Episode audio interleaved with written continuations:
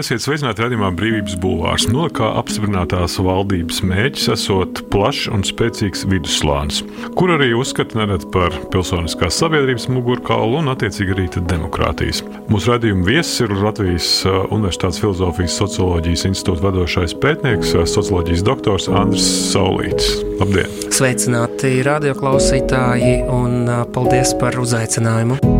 Andri, jūs pētat nu, dažādas lietas, gan iedzīvotāju motivāciju maksāt nodokļus, analizēt ēnu ekonomikas izrietošos faktorus, sabiedrības nevienlīdzības jautājumus. Un uh, grāmata, pie kuras jūs strādājat, saucas Pavirzīt Latviju, kā kontrolēta nejaušība var palīdzēt sasniegt ekonomisko izrāvienu. Kas ir tā kontrolētā nejaušība? Kontrolētā nejaušība tā pētniecības metode, ar ko es nodarbojos. Angliski to sauc randomized controlled trial, kas ir tā kā metode ir nākusi no medicīnas zinātnes. Mēs pēc pandēmijas īstenībā tagad, manuprāt, ļoti labi zinām, kas tas ir, kad tev ir grupa, kur nejaušības pēc nesaņem kā vakcinācijas gadījumā īsto vakcīnu, bet eh, placebo devu, un ir otra, kas pēc nejaušības saņem īsto, un viņi paši īsti nezina, kur ir saņēmuši, un tikai pēc tam mēs novērojam, kur, teiksim, ir lielāka imunitāte izveidojusies, ņemot vērā simptomus. Sociālā zinātnes ir šo veiksmīgi paņēmušas un piemēro tieši to pašu arī dzen attiecībā uz sabiedrības pētniecību, arī dzen sadalot, teiksim, individus divās grupās, un atšķirībā no aptaujas rezultātiem, kur visiem iedzīvotājiem uzdod vienu to pašu jautājumu.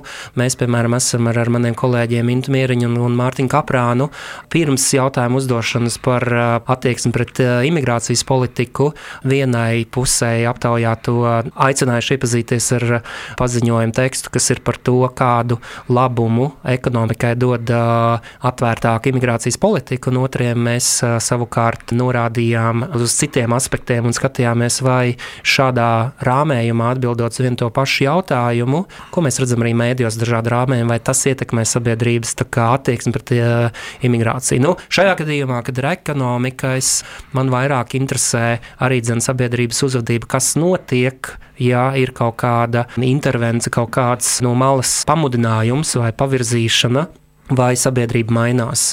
Viens mans pētījums ir arī kopā ar ZAO atkritumu apsaimniekotāju vidzemē, kur mēs izsūtījām iedzīvotājiem, kuri nešķiro atkritumus, dažādus vēstījumus. Vieniem mēs teicām, ka tādējādi jūs varat ietaupīt naudu, jo šķirošanas konteineri par brīvu atšķirībā no tur, kur tu met visu kopā. Salīdzinājumā vai, vai tas uh, palīdz pieteikt, uh, nu, ka mājasemniecības biežāk piesakās salīdzinājumā ar tiem, kuri vispār nesaņēma. Un tā atšķirība bija minimāla kur mēs novērojam to, ka pēc būtības, ja tu vēlies pievērst cilvēkus ilgspējīgai videi, tad ar ekonomiskiem argumentiem tas nestrādā. Mēs arī sūtījām to, cik daudz apkārtējie to dara. Tas arī būtiski daudz nepalielina. Nu, mums kopumā pieteicās no tiem, kas nešķiro kaut kādi 3%. Līdz ar to bieži vien arī mani pētījumi beidzās bez rezultāta, kas parāda to, ka kaut kādi tādi maigi pavirzīšanas mēģinājumi tā kaut ko informējot, atgādinājumu vien nestrādā, ir, ir nepieciešams kaut kādas fundamentālas pārmaiņas, par ko, manuprāt, mēs jau runājam 30 gadus. Andris Saulīts ir Latvijas Universitātes Filozofijas un Socioloģijas institūta vecākais pētnieks, iegūs maģistra grādu antropoloģijā Jaunās skolas universitātē Amerikas Savienotajās valstīs, savukārt doktora grādu socioloģijā aizstāvējis Eiropas Universitātes institūtā Itālijā ar disertāciju vai virzītājs spēja pavirzīt parādnieku četri lauka eksperimenti ar maksājumu atgādinājumiem. Savā zinātniskajā darbībā sociologs apvieno kvalitatīvo un kvantitīvo datu pētniecību un īpaši pievērsies eksperimentālajām izpētes metodēm, lai izzinātu individu un maisaimnieces finanšu uzvedību, kā arī izprastu sociālā konteksta un kognitīvo mehānismu nozīmi un ietekmi uz individiem un ekonomiku kopumā. Jautājums par to, kā šo ekonomisko izrāvienu, par ko arī jūsu topošā grāmata sasniegt, tam, protams, ir daudz dažādas versijas. Šajā pašā studijā izskanēja nu, kāds audios politiķu paziņojums nesen, ka vajag sasaukt kopā visus Latvijas miljonārus, un viņi noteikti zinās, kā šo ekonomisko izrāvienu nodrošināt. No vienas puses, nu, tāds samērā klasisks oligarhijas pieejams jautājuma risināšanā. Jautājums, jā, kā tad nu, nonākt? Jūs arī esat strādājis pie pētījumiem, jautājums, jautājums, nu, kas tālāk notiek ar to visu? Mm. Kas um, ir tās metodas, mm. atrast formulu, kādā šo konkurences zaudējumu Lietuvai vai Igaunijai mazināt? Jā, es domāju, ka tas bija pagalām es pat neteiktu neveiksmīgs izteikums, bet neveiksmīga domāšana. Bet, kas ir runa par sasaukt bez jebkādiem kritērijiem, vienkārši pēc maka biezuma, tas vienkārši nav taisnīgi. Ja, nu, fokus grupā jau var būt tāda fokus, miljonāra fokus grupa. Jā, miljonāra fokus grupa, kurā ir tie, gan, kuri ir savu bagātību ieguvuši gan apšaubāmā veidā, gan taisnīgā veidā, un tos visus likt kopā gan, gan. Bet atgriežoties pie tēmas par to, kā atrast risinājumus. Man viens cits piemērs nāk prātā, kur tas eh, beidzās ar fiasko. Un tā bija, eh, es saprotu, ka neviens negrib runāt par pandēmiju atkal, bet eh, jo ātrāk mēs atkal par to sāksim runāt un būsim sagatavojušies, kā tad nedarīt, tad tas būs labāk. Un atcerieties, ka tajā laikā arī tika nodibināta padome, kurā bija eksperti un kuri mēģināja palīdzēt valdībai pieņemt risinājumus. Viņa pēc neliela laika pārtrauca savu darbību. Es teiktu, vajadzēja divas, tāpēc ka tas termins, ko sauc par troksni, viņš mēdz būt diezgan bieži šajās diskusijās, un bieži vien ir pat labāk, ka tev ir nevis viena liela padome ar, ar, ar 10, 15 cilvēkiem, bet tad uzstājas labāk divas, un katra nesarunājoties, iespējams, atnāks ar citu secinājumu. Un tā ir viena lieta. Bieži vien mēs domājam, tagad sasauksim visus ekspertus kopā, bet uh, bieži vien labāk viņus ir īstenībā nošķirt atsevišķi un, un ļaut divām līdzvērtīgām grupām nākt ar saviem secinājumiem. Tas uh, tev rada tādu noturību, ja abas uh, grupas ir atnākušas ar vienu to pašu secinājumu. Bet man liekas, nu, tas, ko es arī dzen, savā topošajā grāmatā cenšos uzsvērt, ka mums joprojām ir ļoti zems līmenis uz zinātniskiem pierādījumiem balstītu lēmumu pieņemšana. Tas, protams, ir saistīts arī ar zinātnes finansējumu, un kādas tam ir sekas. To es šobrīd ļoti labi redzu, kad valsts pārvalde vēršas pie manis ar lūgumu pēc ekspertīzes, ka nav jau to ekspertu. Un tad arī dzen, valsts pārvaldē nav patiesībā resursi, kur smelties pēc tās ekspertīzes, jo vienkārši nav nec to doktora grādu ieguvēju, nav nec to doktorantu, un visi tie, kur ir, tie jau ir pārkrauti pārdarbiem. Es teiktu, tā, ka augstākajā izglītībā ir ļoti uh, plašs uh, darba iespējas. Tirgus ir brīnišķīgs, bet tikt līdz turienei, pirmkārt, tas ir ilgs ceļš. Tas ir arī dzen, kaut kādu 35 gadu vecumā, tu beidzot beidz studēt. Un līdz tam brīdim, kad tu ieej tajā apritē, kur arī valsts pārvalde tev regulāri ir gatava piedāvāt ekspertīzi, un tu esi arī ieguvis pieredzi, kā šos lietas, šos pētījumus veikt, tu būtībā dzīvo ar, ar ļoti maziem iztikas līdzekļiem. Brīvība, robežas, personība, vara, tauta, ideja, viedoklis, nākotne, dzīve un attieksme Raidījums Brīvības Bulvārs.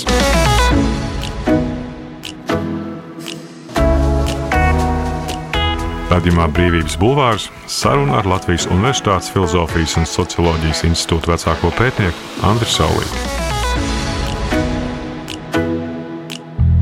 Jūs pats strādājāt uh, darba grupā, kas veica uh, ēna ekonomikas mazināšanas jautājumu pētīšanu valsts ilgspējas attīstības nodrošināšanai. Jautājums šī pētījuma rezultātā viena komanda secināja, ka ēna ekonomikas īpatsvars Latvijā ir robežās no 2 līdz 3,6 miljardiem eiro. Valsts ieņēmuma dienests pirms trim gadiem, tas bija 980 miljonus, bija minējuši kā ciparu. Un tad ir jautājums, kas tālāk notiek. Nu, 3,6 miljardi ir pietiekami nozīmīgs cipars, lai mēs varētu runāt par ekonomisko izrāvienu. Secinājumi, kas skatījos aptaujās, kas bija veikti izējot no šiem pētījumiem, bija, ka viena daļa uzskatīja, ka tie nodokļi un sociālās drošības iemaksas ir pārāk augstas. Nākamais lielākais procents bija, ka 22% uzskatīja, ka valsts neko nedara cilvēka labā. Kāpēc būtu jāmaksā nodokļi? Tas ir no tā publicētā ēna ekonomikas plāna projekta. Ja? Man likās ārkārtīgi saudabīgi grafiki, kurus no visiem tiem, kuri bija šajā aptaujā ietvert finanšu ministri izvēlējās ievietot. Man šķiet, ka, un runājot par jauno valdību, kurā premjerministrs teikusi, ka mūsu kā, mērķis ir šis vidusslānis, šajā pētījumā skaidri bija redzams, kas ir visneapmierinātākie ar nodokļu sistēmu. Un tie nav nedz turīgākie, nedz masturīgākie. Tas ir tieši vidusslānis. Un tieši vidusslānis, kuri strādā tajā saucamajā vispārējā nodokļu režīmā. Ja mums ir tiešām daudz izņēmumu gadījumi, autora atlīdzības, pašnodarbinātie tam līdzīgi, tie īstenībā viss ir diezgan apmierināti ar šo nodokļu sistēmu. Bet tā, tas vezums šobrīd ir jāvelk tam, kurš nav tas 21. gadsimta ekonomikas profesija, kas ir pēc pieprasījuma vairākiem darba devējiem, un, un tu būtībā esi jau kā tāds mazais uzņēmējs. Ja? Tie, kas tiešām strādā no 9 līdz pieciem, un kuri atbildīgi savu darbu dara, viņi jūtās šobrīd visneapmierinātākie, un par viņiem īstenībā ir tieši jādomā. Kapitālisma dzimšana Latvijā nebija vienlīdzīga, bet tā nosvērās par labu 10% Latvijas iedzīvotāju. Jau iepriekš aprakstījām, ka 90. gados vairums iedzīvotāju kļuva par nevērtīgu īpašumu turētāju slāni, kam pēcāk sekoja uz kredītu ņemtu īpašumu vidusslāņa izveidošanās. Taču paralēli norisinājās cits process. Radās bagātas mājsaimniecības, kuru dzimtu ietveros šobrīd notiek ievērojama miljonos vērtu vērtību aprite, kas netiek aplikts ar nodokli. Tāpēc bagātāko maisaimniecību vidū mantojumu un dāvinājumu biežums būtiski neatpaliek no citām OECD dalību valstīm, bet to mērogs, ņemot vērā bagātības koncentrāciju, varētu būt pat nevienlīdzīgs nekā Rietumē Eiropas valstīs. Tā savā pētījumā raksta Andris Saulīts.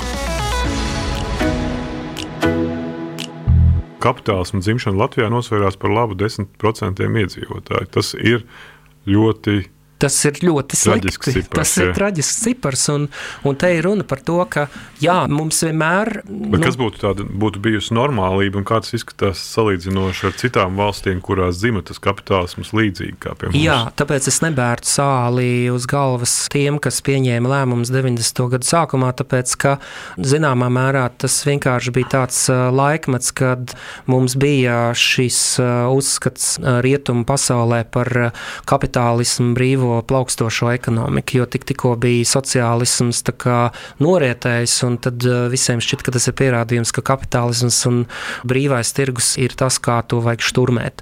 Un tā bija kļūda, tā ir kļūda ar milzīgām sekām, un eh, ja vien būtu tagad eh, uzņēmība tikpat asi rīkoties un, un to stūri griezt uz otru pusi, bet man liekas, tā tomēr bija tā vēsturiskā situācija, kur bija Rēgans un Tečeri, un, un šobrīd šobrīd arī tā pasaulē jau ir tik daudzpolāra, ka mums nepietiks, ka divas šīs lielas ekonomikas sadotos rokā un, un tur mums nāktu tā kā, tāda skandināvu veida valdība un tad mums atgrieztos atpakaļ. Es domāju, ka daudzas lietas vairs nevar mainīt.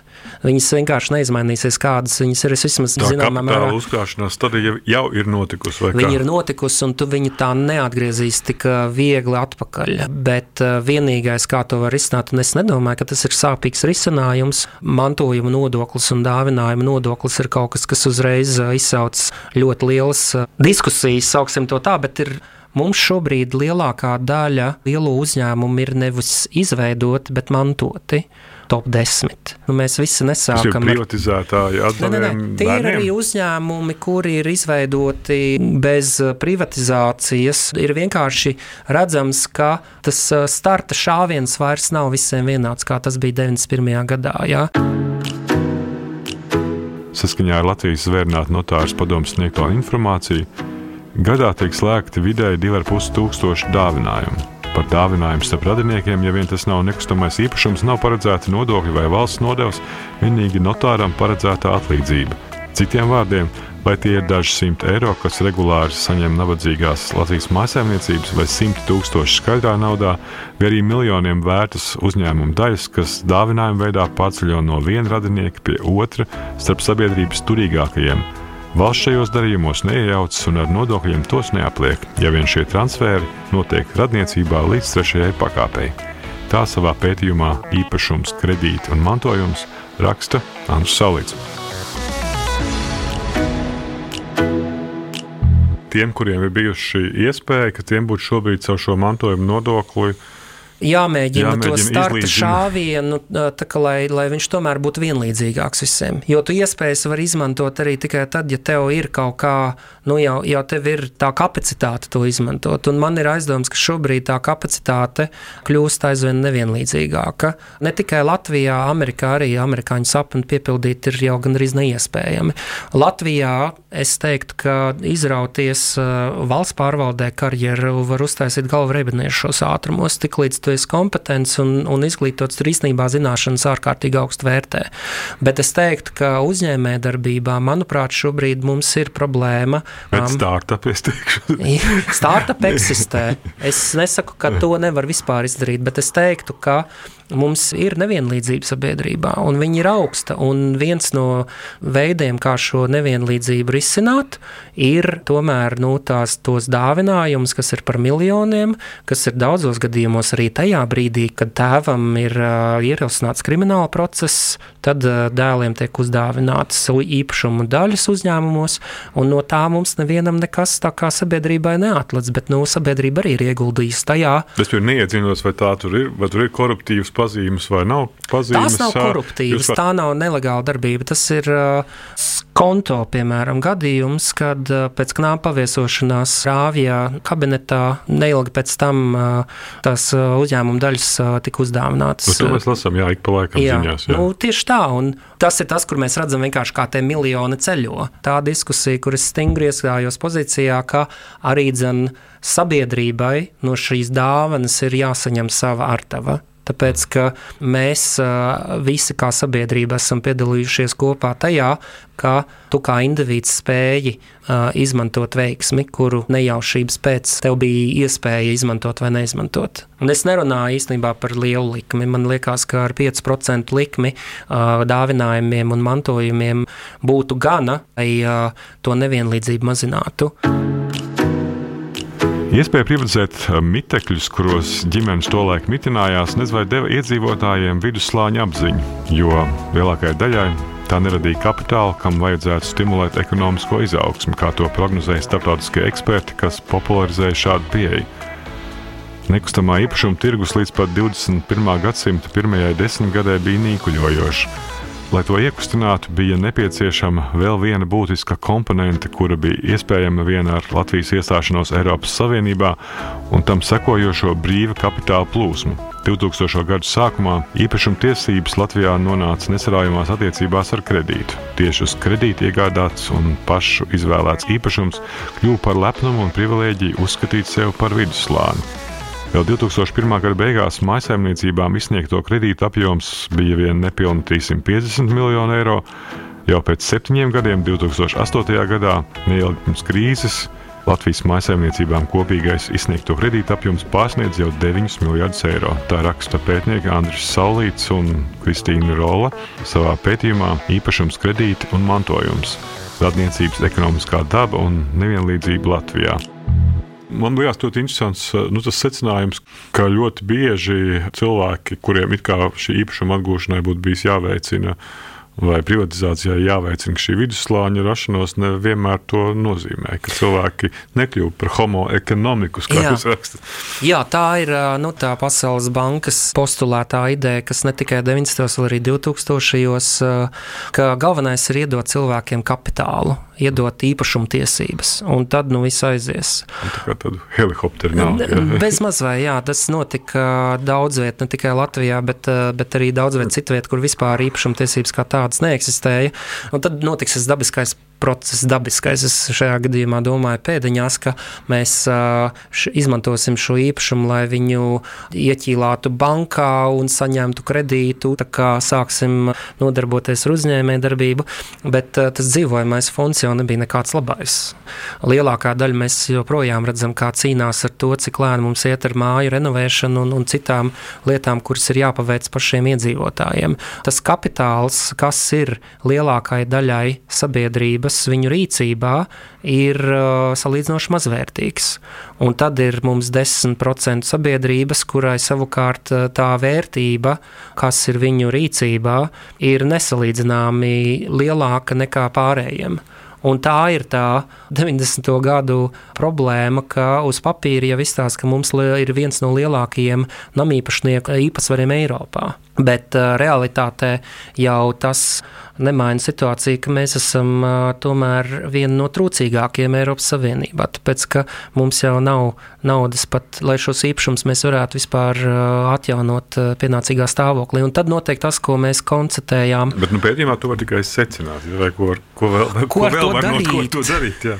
Nu, tā jau ir vienkārši lieta, kur es vairāk mēģinu norādīt, ka tu nevari skatīties tikai uz statistikas skaitļiem. Šeit ir viss kārtībā, tā īpašumi visiem ir un ir problēmas ir citur. Man šķiet, ka tomēr mēs esam diezgan spējīga tauta. Man vairāk šķiet, ka tā problēma ir iespēja nevienlīdzībā. Tā ir ļoti liela atšķirība, vai tu esi piedzimis laukos vai tu esi piedzimis Rīgā. Tas nenozīmē, ka, ja tu tomēr esi talantīgs, tad visticamāk jau tev vecāki saņemsies un, diemžēl, jau vidusskolā tev aizsūtīs uz Rīgu pie radiem, lai tu pēc tam iestātos Zviedru augstskolā. Varbūt, ka tev paveiksies, un tu sadraudzēsies ar kursabiedriem, kuriem vecāki jau dzīvo Rīgā, ir pietiekami bagāti, un jums būs arī pirmais kapitāls biznesam. Es domāju, ka tāds ir viens no reālākajiem stāstiem, kā Latvijā kļūt par miljonāru. Ja tu neesi nācis no bagātas ģimenes. Es nevaru teikt, ka Latvijā nebūtu arī atbalsts uh, uzņēmējdarbībai, bet visā tajā ir vajadzīgs līdzfinansējums. Arī Altums nedod kredītu tev bez līdzfinansējuma. Un, ja tu gribi uzbūvēt rūpnīcu vai nopirkt iekārtas, kuras maksā 100 tūkstoši, tev vajag 20 tūkstošus kā līdzfinansējumu.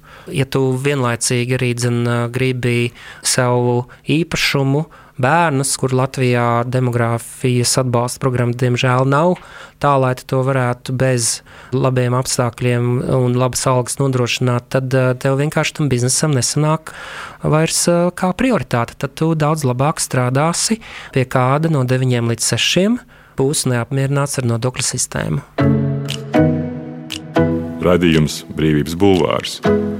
Sarunas par to, kas notiek un ko mēs par to varam domāt. Ir viens vēl cits pētījums, par kas man liekas, ir tāds runājot par šo ekonomiskās izaugsmas aspektu. Man liekas, ļoti simptomātisks, ka Latvijas iedzīvotāji, viņu vidējais atskaites punkts esot tikai pusotrs gads.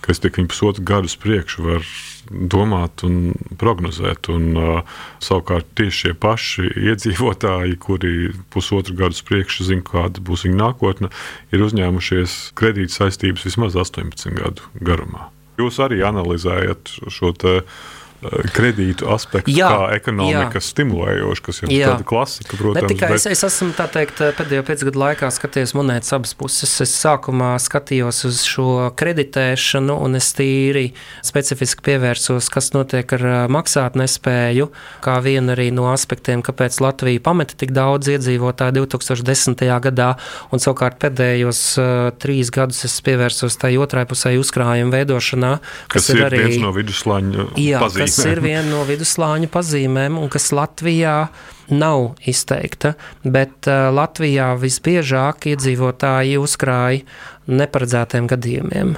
Un kas ir neparedzēti gadījumi, tā ir veselība lielākoties, un tie ir uh, tādi bezdarbs, kas šobrīd, es teiktu, ņemot vērā saspringto situāciju darba tirgu, vairs nav tik aktuāla, bet Standarta teksts būtu, jā, mums ir jāvelta vairāk līdzekļu veselības nozarei, bet man šķiet, ka mums ir nevis jāvelta vairāk līdzekļu veselības nozarei, bet mums ir katram individuāli jāpaukstina sava nodokļu morāle. Tāpēc, ka man nekad nav apmierinājis teksts, es nemaksāju nodokļus, tāpēc, ka politiķi zog naudu. Man šķiet, ka ir tieši otrādāk. Es maksāju nodokļus, tāpēc, ka es uzskatu, ka tas ir veids, kā būvēt šo valsti, un ja politiķi zog naudu, tad viņi ir vienkārši jāliek cietumā un par viņiem nevajag balsot. Tā ir nodokļu morāla un tā ir politikas morāle vēlēšanās. Un man šķiet, ka tad arī veselības aprūpē būs lielāki līdzekļi, bet arī minētai ēnu ekonomikas programmā vienkārši neviena lieta nav paredzēta, kur mēs veicinātu par šo vispār sabiedrības apjausmu. Bet nu, cik ilgā laikā tādu lietu kā nodokļu maksātāju morāli ir iespējams mainīt? Nu, ne ar kaut kādām ESF, Eiropas sociālo fondu finansētām kampaņām, ja, kas mēdz tādas parādīties, piemēram, veselības nozarē, ka tev ir ERAF finansēta pret smēķēšanu, pret kaitīgiem ieradumiem kampaņa, nu, tad mums ir tur skolās diskusijas un tam līdzīgi. Nu, tā ir jābūt tādai ilgtermiņa lietai. Tas ir līdzīgi kā uzņēmumi strādā pie savu zīmola attīstības. Tas ir būtībā nevis tāds iepirkums uz pat diviem, trim gadiem, bet tu ilgtermiņā strādā ar vienu sabiedrisko attiecību uzņēmumu desmit gadus pie tā. Un man nešķiet, ka valsts arī nevarētu šādā veidā strādāt ar vienu uzņēmumu pie konkrētām tēmām, bet ir vēl pārsteidzošāk, ka pie šīs tēmas nākamo trīs gadu laikā vispār nav paredzēts strādāt. Andris Salīts bija viens no pētniekiem ēnu ekonomikas ierobežošanas plānām 2024, 2027 kas ir vidēji termiņa politikas plānošanas dokuments, kurš izstrādāja ieteikumus četriem gadiem ēnu ekonomikas mazināšanai. Ja personas ienākums ir pietiekams, lai apmierinātu savas primārās vajadzības, tā tieksme apiet nodokļus nomaksa ir mazāka. Citiem vārdiem sakot, plāna autora pieeja ir tāda, ka nodokļu nemaksātāji ir nabadzīgākie valsts iedzīvotāji, savukārt bagātākie nodokļus godprātīgi maksā. Es to apšaubu. Intervijā Latvijas vēstnesim pēc Andrija Saulītas ņemot vērā Panamas papīru skandālu un citus gadījumus, tostarp Latvijā, kur uzskatām ataino, ka turība nerada augstu nodokļu morāli. Neviens no plānā minētajiem pasākumiem šobrīd nav tieši vērsts uz nodokļu morāles palielināšanu, viņš norāda. Kā plānojam iekasēt nodokļus, ja tikai 35%, jeb aptuveni katrs trešais Latvijas iedzīvotājs izvairīšanos no nodokļu nomaksas uzskata par pilnībā nepieņemamu rīcību? Tā intervijā Latvijas vēstnesim sociologs Andris Saulīts. Laikams bija tas Svetbanka finansistu pētījums vidusslāņa vidēji ieņēmumi 1200 eiro bija minēts. Un tas ir uh, uz katru maisaimniecības locekli, vai tas ir uz maisaimniecību kopā? Nu, uh, es nedomāju, ka tā būtu ļoti bagāta ģimene. Nu, ja mums, teiksim, mēs runājam par standarta ģimeni, tad maisaimniecības locekli. Nu, tas būtu tāds, tāds jā. labs viduslānis, ja jūs esat divi pelnoši ar vienu bērnu. Tas ir tāds ideāls, bet uh, man šķiet, jau, ka mēs jau to nesasniedzam. Atturētos komentēt to pētījumu, jo es uh, neesmu precīzi iepazinies, vai tas ir paša vērtējums un, un kā tieši tas ir skatīts. Vienīgais, uh, ko es vēlos uzsvērt, ka nu, par vidusslāni parasti tu vēlies tam piederēt, uh, saprotot, ka tu esi turīgs, un kā tur bija rakstīts, arī tā, ka vari vismaz nedēļu aizbraukt uh, uz ārzemēm. Ja? Bet uh, man šķiet, ka Latvijā to spēj ļoti daudzi. Bet ir cits aspekts, vai tu strādā 40 stundas, ko es pieminēju par viduslānu, no 9 līdz 6, vai tu vari šo uh, viduslāni sasniegt šo iedomāto, zināmā mērā, labklājības līmeni ar 40 stundu darba nedēļu un četrām apmaksātām atvaļinājuma nedēļām. Man šķiet, ka tas nav iespējams, un man tas, ko es eh, redzu, arī dzen, ne tikai savā draugu lokā, lielākā daļa ir vienkārši pārstrādājušies. Mums vienkārši trūks nedaudz elpas, un tā elpa trūkst sākot no pašiem augstākajiem līdz pat teikt, no matu galiņiem līdz papēžiem. Paldies! Paldies tas bija sociologs Andris Saulītis, Latvijas Universitātes Filozofijas un Socioloģijas institūta vadošais pētnieks. Mans vārds Gins Grūber, raidījumu ierakstīja Toms Šits un Monteja Normīts. Paldies! Paldies! Brīvība ir brīvība, nevienlīdzība vai taisnīgums, vai kultūra vai cilvēks laime Tā teica Iesai Berlīns. Sarunas ar brīvas apziņas un ideju cilvēkiem radījumā Brīvības bulvārs.